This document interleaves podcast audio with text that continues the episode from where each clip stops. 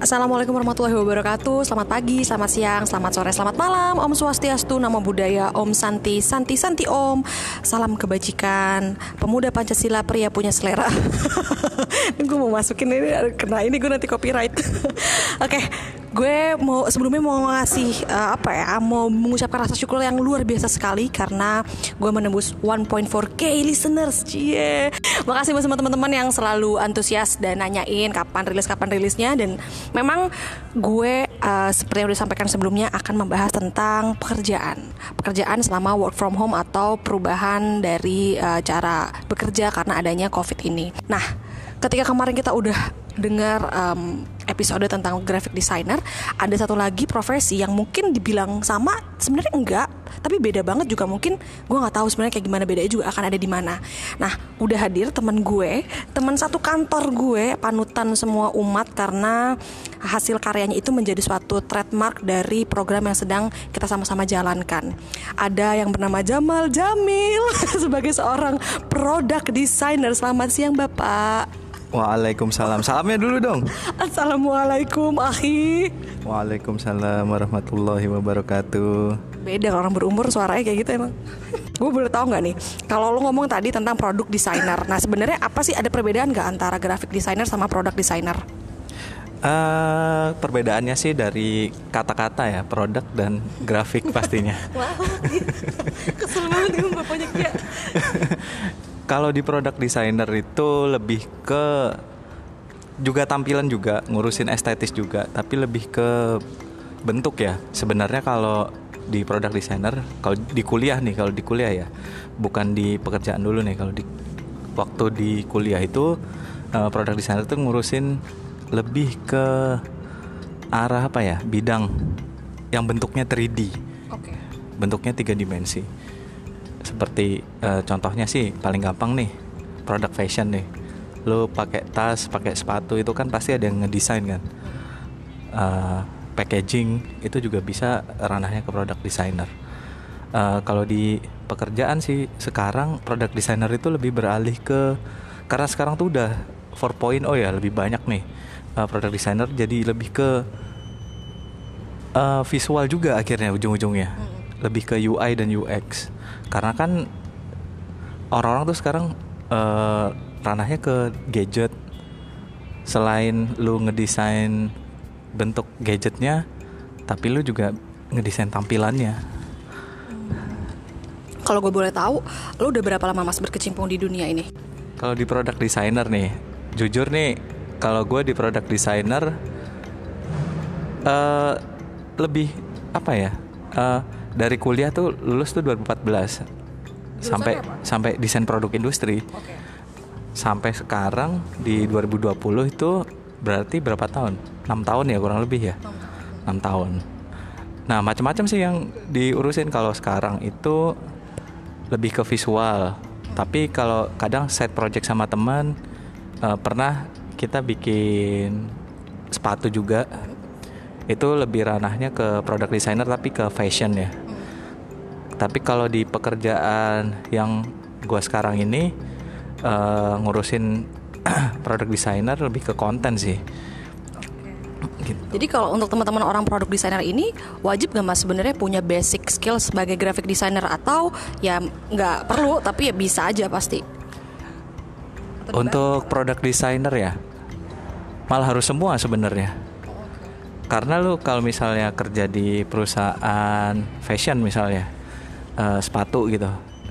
Ya lu paling nggak ngerti tentang warna tentang shape bentuk kan estetisnya kan. Uh, tren orang-orang tuh sekarang misalnya uh, mobil deh mobil bentuknya yang geometris atau organis. Jadi ya lu harus ngerti visual juga lu harus ngerti produksinya juga material. Pokoknya kompleks sih produk designer itu Oke, kalau ngomongin usia lo udah di bidang ini kan kurang lebih enam tahun tadi ya mas ya yang tadi lo bilang udah lo gelutin selama enam tahun. Boleh tahu nggak kayak suka dukanya itu apa sih sebenarnya dalam bidang ini? Di produk designer ya, di produk designer itu kita sih lebih senangnya itu uh, lebih banyak deep thinking sih lebih banyak mikir jadi malah kurang bersosialisasi jadinya jam tidurnya sih pasti. Oh, gak usah jadi itu semua juga kan jam tidurnya gue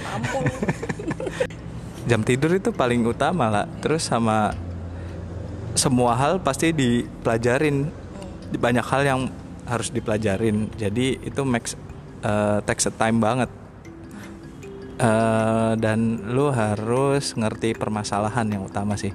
Jadi buat sebuah produk itu harus berangkat dari masalah, bukan uh, misalnya oh gue bikin gelas nih, uh, masalahnya apa? Kan karena air, air tuh nggak bisa dulu pegang kan, jadi harus bikin gelas, gitulah menjawab.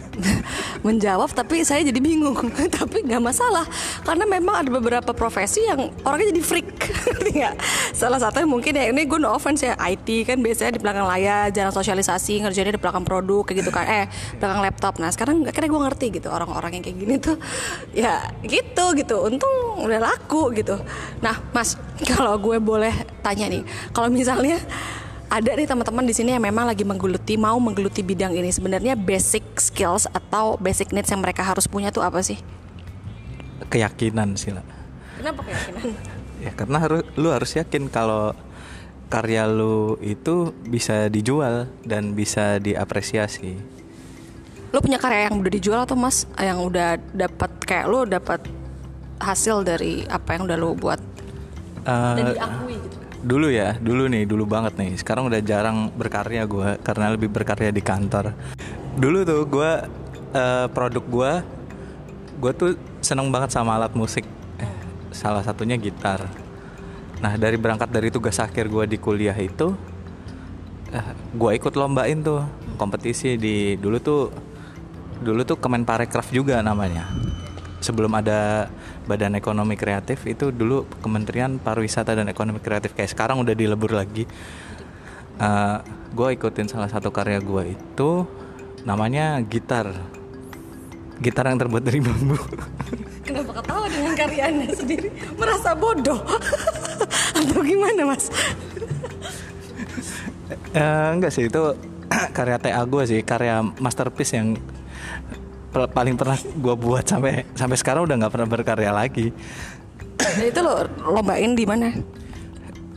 Nasional itu waktu itu kan karena waktu itu macam-macam bidangnya ada uh, graphic designer juga, ada product designer, ada interior, ada arsitektur, ada fashion. Nah, gue milih salah satu tema di product design itu gue ikutin dan alhamdulillah masuk kita winner akhirnya kita dikirim ke London. Dan ini lu pameran doang kah? Atau lu menjual atau malah lomba lagi?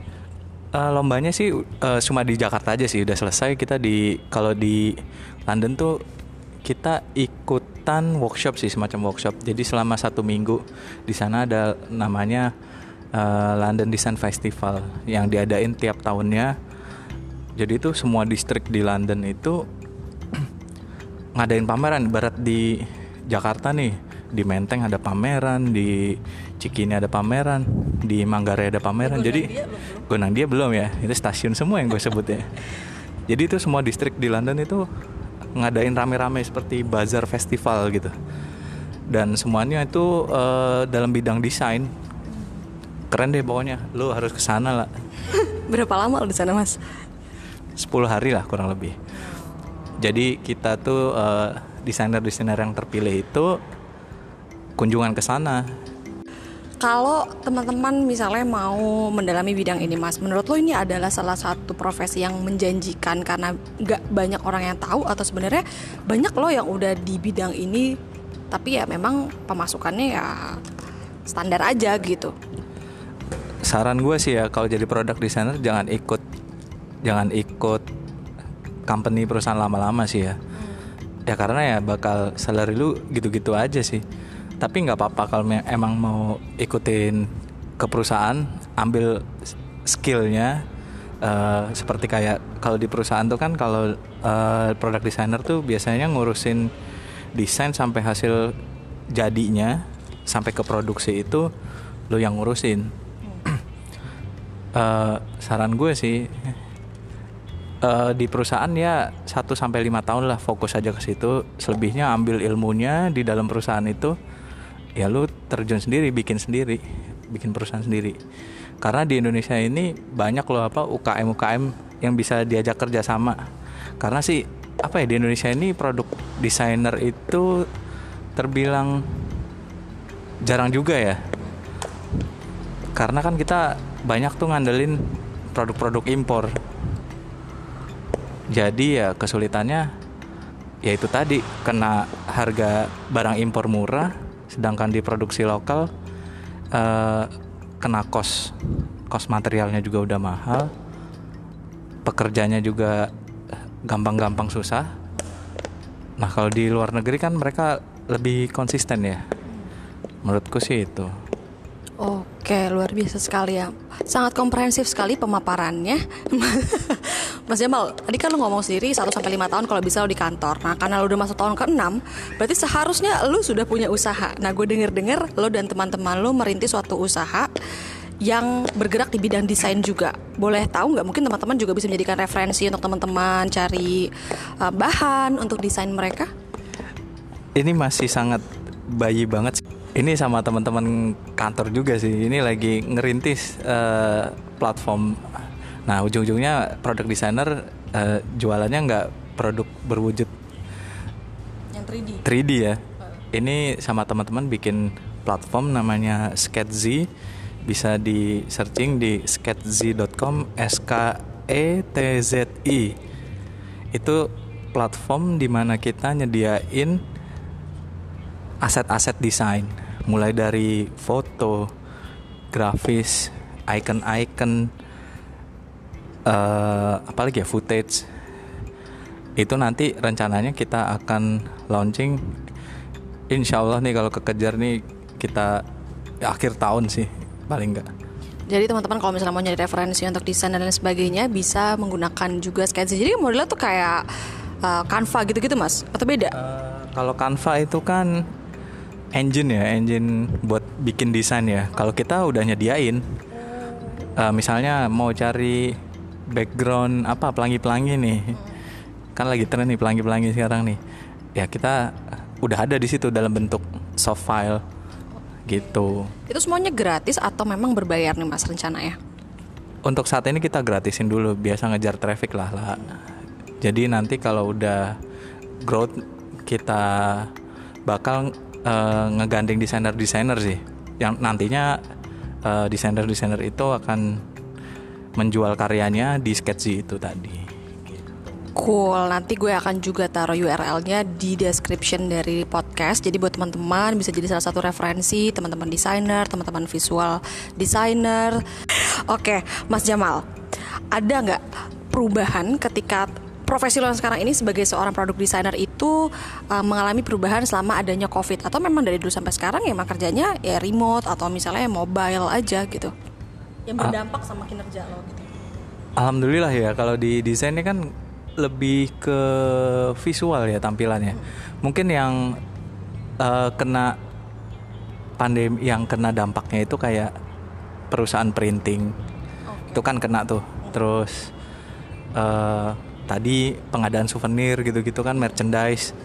Itu kan dia kena event nggak ada, event mati. Jadi orang nggak bakal produksi poster, banner, spanduk, terus kaos, souvenir-souvenir yang lu bagiin biasanya. Ya itu yang mati sih di situ. Tapi kalau kita di desain sih kita kan bisa juga produksi konten dalam bentuk 2D, motion grafis, video. Apalagi sekarang udah eranya platform digital banyak banget kan buat eh, lu pamerin karya di situ jadi ya so far sih kalau untuk di bidang graphic designer sih eh, sejauh ini masih bisa bertahan yang yang bisa adaptasi dalam kondisi apa pun ya. Kalau gue boleh minta pendapat lo, bagaimana lo memandang profesi ini dalam beberapa tahun ke depan? Amin, apakah profesi ini akan tergantikan atau memang ini akan selalu ada karena siapa pun dan kapan pun orang akan membutuhkan suatu desain gitu? Bisa jadi karena kan sekarang udah banyak apa ya AI ya, artificial intelligence ya, seperti Canva itulah. Jadi kita orang awam pun bisa ngedesain gitu. Itu yang jadi threats ya, threatsnya para desainer. Jadi eh, ke depannya sih gue lihat bakalan akan tergantikan juga. Nah, cuman kita kan yang tidak bisa dipikirkan oleh AI adalah konsep kan ya. Nah itu jadi kita itu harus mempertahankan idealis sih, idealis kita, konsep, cara berpikir, uh, identitas karya kita tuh tonjolin itu. Cuma untuk eksekusi teknis itu kan memang AI bakalan bisa menggantikan pastinya. Kayak sekarang kan udah banyak banget itu uh, platform bikin pattern uh, di online tuh. Jadi lu nggak bisa, lu nggak apa ya, udah nggak capek-capek copy paste copy paste pattern maker pattern maker satu-satu di Illustrator di Photoshop. Jadi lu tinggal aja upload pattern maker lu satu sendiri tertinggal di generate sama AI-nya gitu. Apalagi sekarang juga udah banyak nih logo logo generate di googling aja deh pokoknya banyak banget udah logo generator lah. Ya itu thread bagi desainer-desainer yang apa ya yang belum punya identitas dan idealis sih. Jadi ketakutan desainer tuh bakalan bisa tergantikan ke AI itu. AI tapi yang highlightnya ialah gimana pun adanya secanggih-canggih pun apa pun adanya AI juga konsep itu nggak akan pernah tergantikan ya mas ya. Itu akan butuh apa? Identitas karya itu juga butuh sentuhan tangan manusia gitu. Terakhir nih mas apa yang mau lo sampaikan buat teman-teman yang mungkin sekarang mau uh, menekuni bidang uh, mau graphic designer, visual designer, produk designer, pokoknya bidang designer tuh apa? Uh, terus-terus adaptasi sih dengan kondisi uh, apa pun ya. Lo mau platform sekarang digital ya harus belajar ke digital. Nanti bakalan uh, apa ya? Pokoknya ngikutin zaman deh. Transformasi digital itu sih yang penting. Kita sekarang kayak dulu misalnya pembatik deh batik. Sekarang ya itu udah ada batik generator pattern generator. Ya mau nggak mau uh, kita juga harus ngikutin zaman sih uh, tanpa apa ya menghilangkan identitas karya kita gitu loh ciri khas kita. Nah itu tetap pertahankan idealis sih walaupun uh, apa ya walaupun ke mana bersaing sama zaman. Jadi walaupun lo nanti mau di corporate maupun nanti mau usaha sendiri maupun punya platform sendiri nantinya ya itu pertahankan identitas dan idealis sih. Itu sih yang terpenting. Luar biasa sekali. Pesan-pesannya sangat menohok menuhuk jantung aku Mas, kalau misalnya ada teman-teman yang mau berkorespondensi sama lo atau mau keep in touch sama lo, adakah medsos lo atau mungkin melalui apa kalau mau ngobrol-ngobrol sama lo terkait tentang desain ini atau desainer? Instagram gue isinya foto anak gue nih sekarang jarang ngupload karya nih. Ya udah nggak apa-apa Instagram aja. Di mana Instagramnya apa?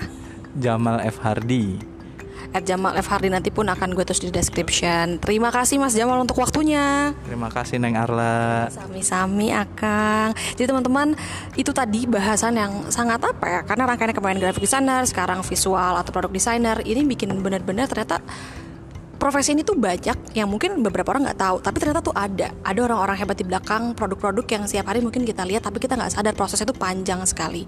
Jadi buat teman-teman yang sedang menuju atau berada di profesi atau di jalan sebagai seorang desainer semangat terus. Jangan lupa pesan dari Kang Jamal tunjukkan idealisme kalian dan ciri khas dari produk kalian terus menerus uh, bertransformasi digital. Karena um, sejatinya menuju masyarakat 4.0 adalah masyarakat yang bisa mengikuti perubahan zaman saya Arla pamit undur diri. Assalamualaikum